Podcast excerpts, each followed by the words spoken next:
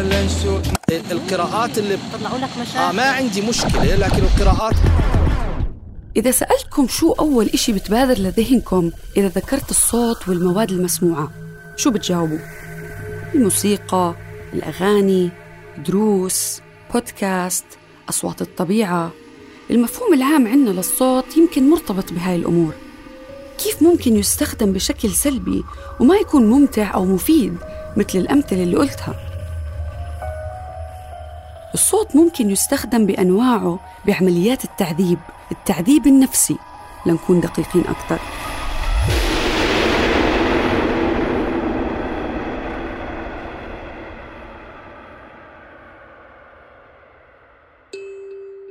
مرحبا يا أصدقائي.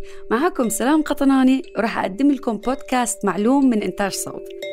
هاي المرة بدي إياكم تركزوا بصوتي وبس وبس وبس وبس. وتسمعوا شو عم بحكي منيح. حابة كالعادة أعمل الإشي اللي بحبه بإني أقدم لكم معلومات حلوة بس هالمرة بالصوت والتجربة رح تكون حلوة كتير. على كفالتي.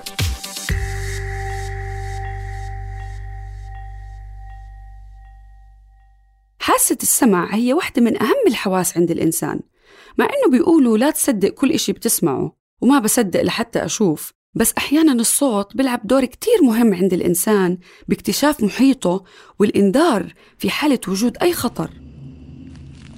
لنفترض أنك كنت بمزرعة وكنت عم تمشي فيها بالليل والجو مظلم ومعتم كيف ممكن تحس بوجود حركة حواليك؟ الصوت هو السبيل الوحيد لمعرفتك بوجود حركة. الصوت ساعد البشر إنهم يكتشفوا الأشياء اللي ما قدروا يكتشفوها بالنظر. وأثره أكبر وأهم. ممكن يكون سبب بالرعب والفزع مثل إذا كنت لساتك ماشي بالمزرعة بالليل فسمعت صوت حيوان غريب. وصوته قريب عليك. شو بصير بهاي الحالة؟ الصوت نبهك وخوفك بنفس الوقت. حرفيا بترتعب.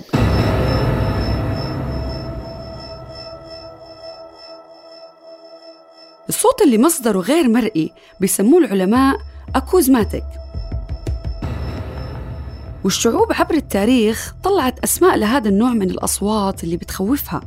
نسجوا الأساطير عنها. اليابانيين مثلا اللي بيعانوا بجزيرتهم من الزلازل تخيلوا إنه في روح بتصدر أصوات تكسير وتهديم وضجيج من البيت خلال الزلزال وسموها ياناري.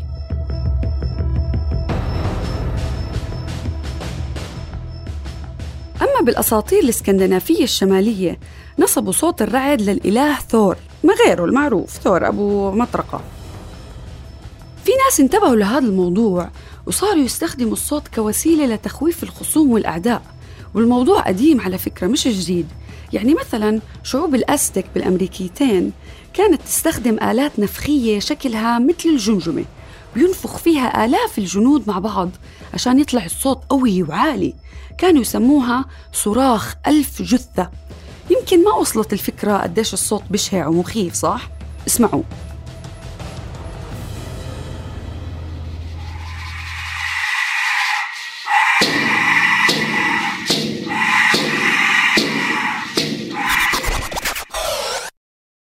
طبعا في أصوات تانية تستخدم بالحروب كمان لتخوف الأعداء زي الطبول والأبواق وغيرهم. حتى إنه بالإنجيل بينذكر إنه يوشع بيؤمر القساوسة وبني إسرائيل معه بإنه ينفخوا الأبواق على أسوار مدينة أريحة وقت لما كان محاصرها.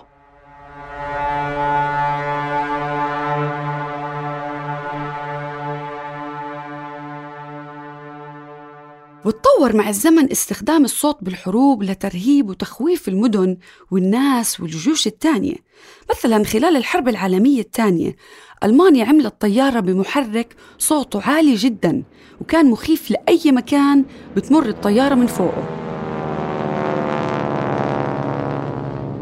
وبعد الحرب العالمية الثانية بدأت أمريكا تعمل تجارب على الأثر النفسي للصوت على السكان من خلال تطويرها للطائرات اللي بتخترق جدار الصوت. هذا الصوت بيسموه سونيك بوم واختراق جدار الصوت بيولد صوت عالي لدرجة مرعبة. صاروا يراقبوا ردات فعل السكان اللي كانوا يخافوا كتير من الصوت هذا. ولاحقاً خلال الحرب مع نيكاراغوا استخدموا هذا الاكتشاف وزلزلوا الأرض من تحت الحكومة بهاي البلد. وحتى بفيتنام. يقال إنه استخدموا الأغاني والموسيقى والأصوات الغريبة بتردد مرتفع لحتى يخوفوا الجنود الفيتناميين ويخلوهم يهربوا.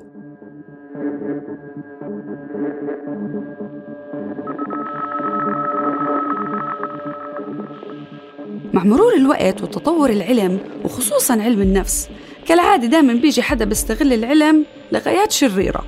قالوا إحنا بنضل نحاول نستخدم التعذيب الجسدي بالتحقيق عشان نوصل للمعلومات اللي بدنا إياها طبعا أحيانا ما بيكون في معلومات أصلا بس المهم إنه التعذيب الجسدي هو وسيلة لاستخراج المعلومات وإذلال المساجين وإخضاعهم وكسرهم طيب كيف فينا نطور ونكون مبدعين أكثر بهذا المجال؟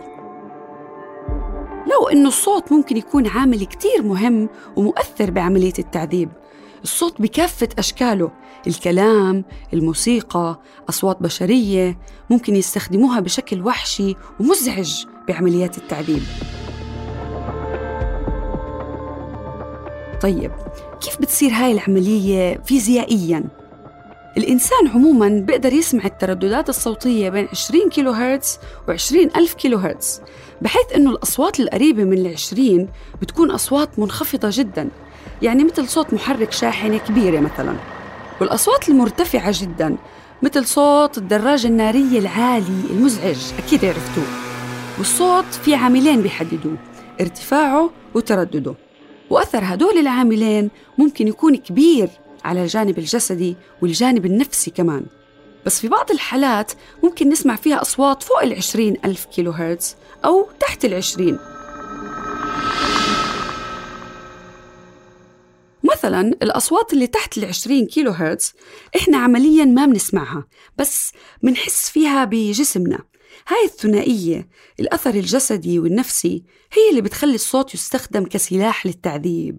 وتطورت هاي الأساليب من التعذيب النفسي بعدة بلاد بالعالم وخصوصاً بالموسيقى. مثلا بمعسكرات الاعتقال النازية لليهود. في مرة انطلب منها تعزف موسيقى على البيانو لباخ وشوبرت. وهذا العزف عمل عندهم حالة نفسية مزرية بين أنهم المفروض عم يستمتعوا بالعزف وبين الوضع بالمعسكرات هاي من تعذيب وتجويع وقتل وذل وتطور الموضوع لأمراض نفسية وجسدية وربط الموسيقى بهاي الأمور.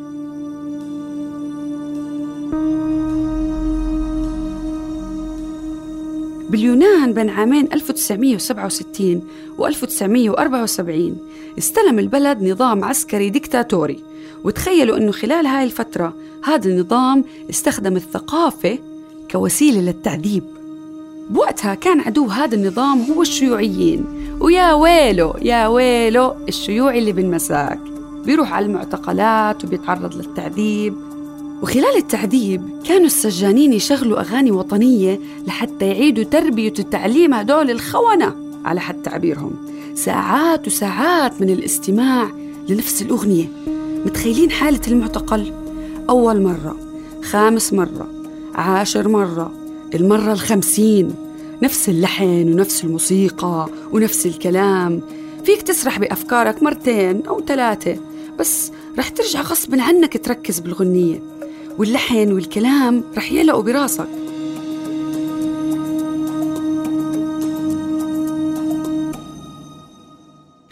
نبعد شوي أكتر. مثال من تشيلي اللي صار فيها انقلاب سنة 1973 على يد الضابط بينوشيه. صار اعتقالات تعسفية بالآلاف للمواطنين المعارضين أو اللي عندهم موقف غير مرحب بالانقلاب وجرى تعذيبهم بشكل وحشي. واحدة من السيدات اللي تعذبوا بوقتها بتحكي كيف كانوا السجانين يحطوا أغاني مشهورة بهديك الأيام ويعذبوهم. وارتبطت هاي الأغاني عندها بالعذاب وبالألم الجسدي تماما مثل لما بترتبط ريحة معينة بشي ذكرى معينة عندك. بتقول هاي الريحة بتذكرني ببيت ستي مثلا أو هاي الريحة بتذكرني بصفي بالمدرسة أو لما تسمعي أغنية كنت تسمعيها بطفولتك وإنت على البحر مع أهلك ومبسوطة. كل ما تسمعيها رح تبتسمي وتتذكري صوت الموج وهوى البحر والضحكات والفرح. هاي الحالة هي العكس تماما. الأغاني بالنسبة للمعتقلين والمعتقلات بتتحول لكابوس منذر باقتراب التعذيب. مت على السجان المتوحش وألم ووجع للمعتقل والمعتقلة.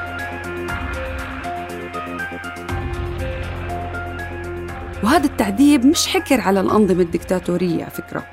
نظام أكبر دولة بالعالم الولايات المتحدة الأمريكية طبقوا على مساجين كتار بالعراق وغوانتنامو بسجن أبو غريب بالعراق بيحكوا جنود أمريكان إنه المسؤولين عنهم كانوا يخلوهم يحطوا أغاني بصوت عالي كتير لحتى يحرموا المساجين العراقيين من النوم والصلاة والتركيز. والهدف هو استخلاص المعلومات منهم أثناء التحقيق بشكل أسهل حتى خارج التحقيق كمان. الهدف هو إذلال وإجهاد وإهانة العراقيين.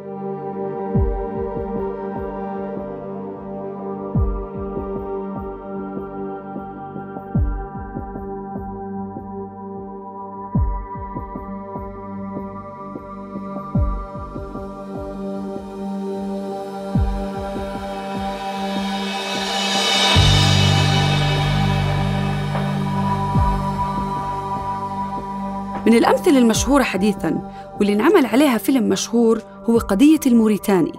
الموريتاني هذا هو شخص كان يدرس بألمانيا. المعروف إنه لطيف وخلوق وذكي.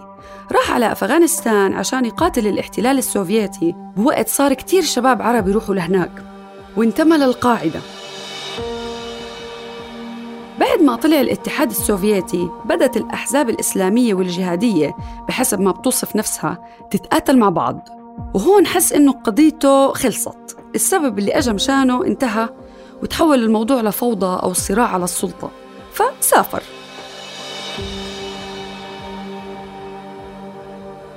بعد أحداث أيلول سبتمبر 2001 اعتقل وأخذوه على غوانتنامو مع إنه كل الأدلة بتشير حسب المصادر إنه ما له أي علاقة بالهجوم.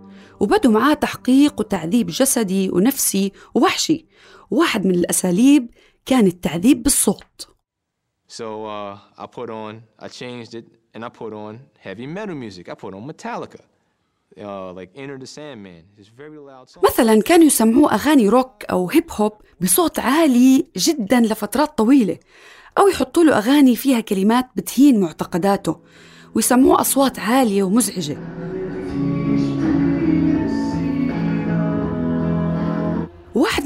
العوامل هو الموسيقى العالية اللي بتساهم بزيادة التعذيب. كيف؟ بيقولوا لنا العلماء إنه الأصوات العالية والمخيفة بتزود فعالية التعذيب. يعني التعذيب مع هاي الأصوات بصير أسهل وأكثر فعالية مثل الحرمان من النوم مثلا. لما بيحرموا المعتقل من النوم مع موسيقى وأصوات عالية بيكون الأثر أسوأ عليه. هاي الأصوات بتسحب وبتضيع سلاسل الأفكار الداخلية عند المعتقل الشيء اللي بيؤدي لهلوسات وفقدان التركيز.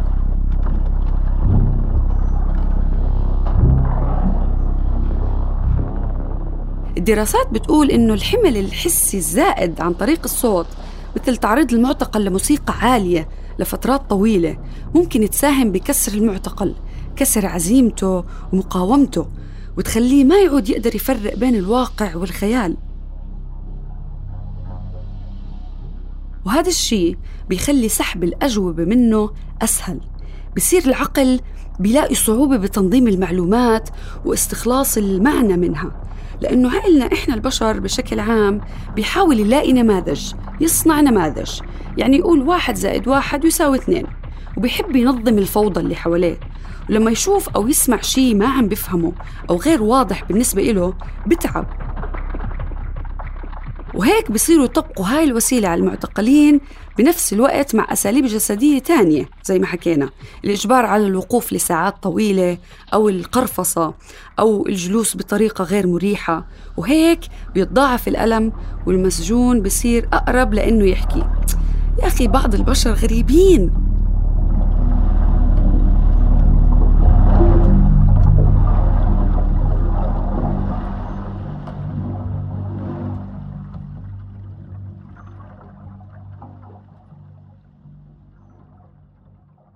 نسأل سؤال منطقي إنه لما بنقول صوت عالي يعني قديش عالي مثلا؟ ال CIA بيحطوا حد مسموح لاستخدام الأصوات بالتحقيقات واللي هو 79 ديسبل يعني تقريبا نفس مستوى صوت مكنسة الكهرباء أو الغسالة. بس أصلا على أي أساس بنعرف شو الصوت العالي المحتمل والصوت العالي اللي بيعذب وبوجع؟ المشكلة إنه كل شخص بيحس بالألم وبيستقبل هاي الأصوات بطريقة مختلفة.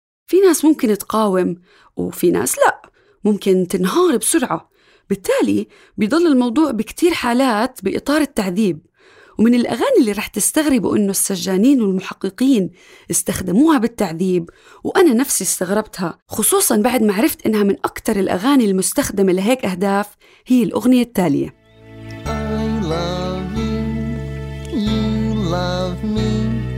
We're a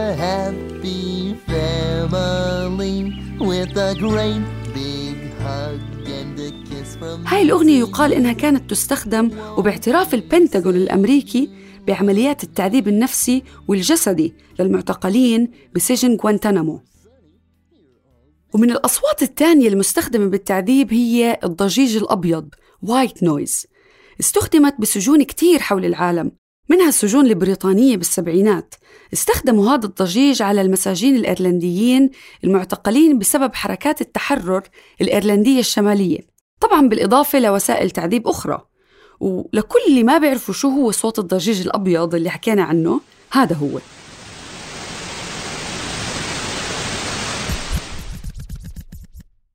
نعتذر يا جماعة على الإزعاج. وطبعا واحد من أبشع الأصوات المستخدمة للتعذيب وللأسف موجودة ببعض الدول العربية هو إجبار المعتقلين على سماع أصوات تعذيب معتقلين آخرين. بيوصفوا المعتقلين هذا الموضوع على إنه أصعب من التعذيب الجسدي ذات نفسه وإنه كانوا يتمنوا يتعرضوا هم للتعذيب بدل ما يسمعوا هاي الأصوات. بس طبعا السجان بيكون هدفه إنه يكسر المعتقل ويسبب له أكثر قدر ممكن من العذاب.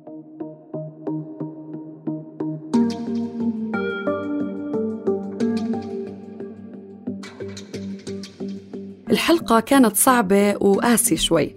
بس معلش كله بيهون في سبيل إنه الموضوع يصير معلوم عندكم.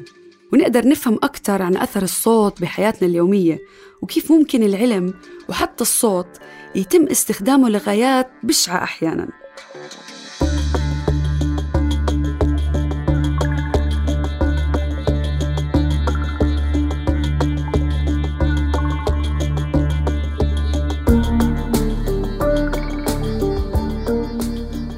كتب هاي الحلقة لصوت بشر نجار حررها عمر فارس. أنتجها صوتيا محمود أبو ندى ودققتها تالا مراغة. وقدمت لكم إياها أنا سلام قطناني. بتمنى تكونوا استمتعتوا وبشوفكم بالحلقة الجاي. سلام.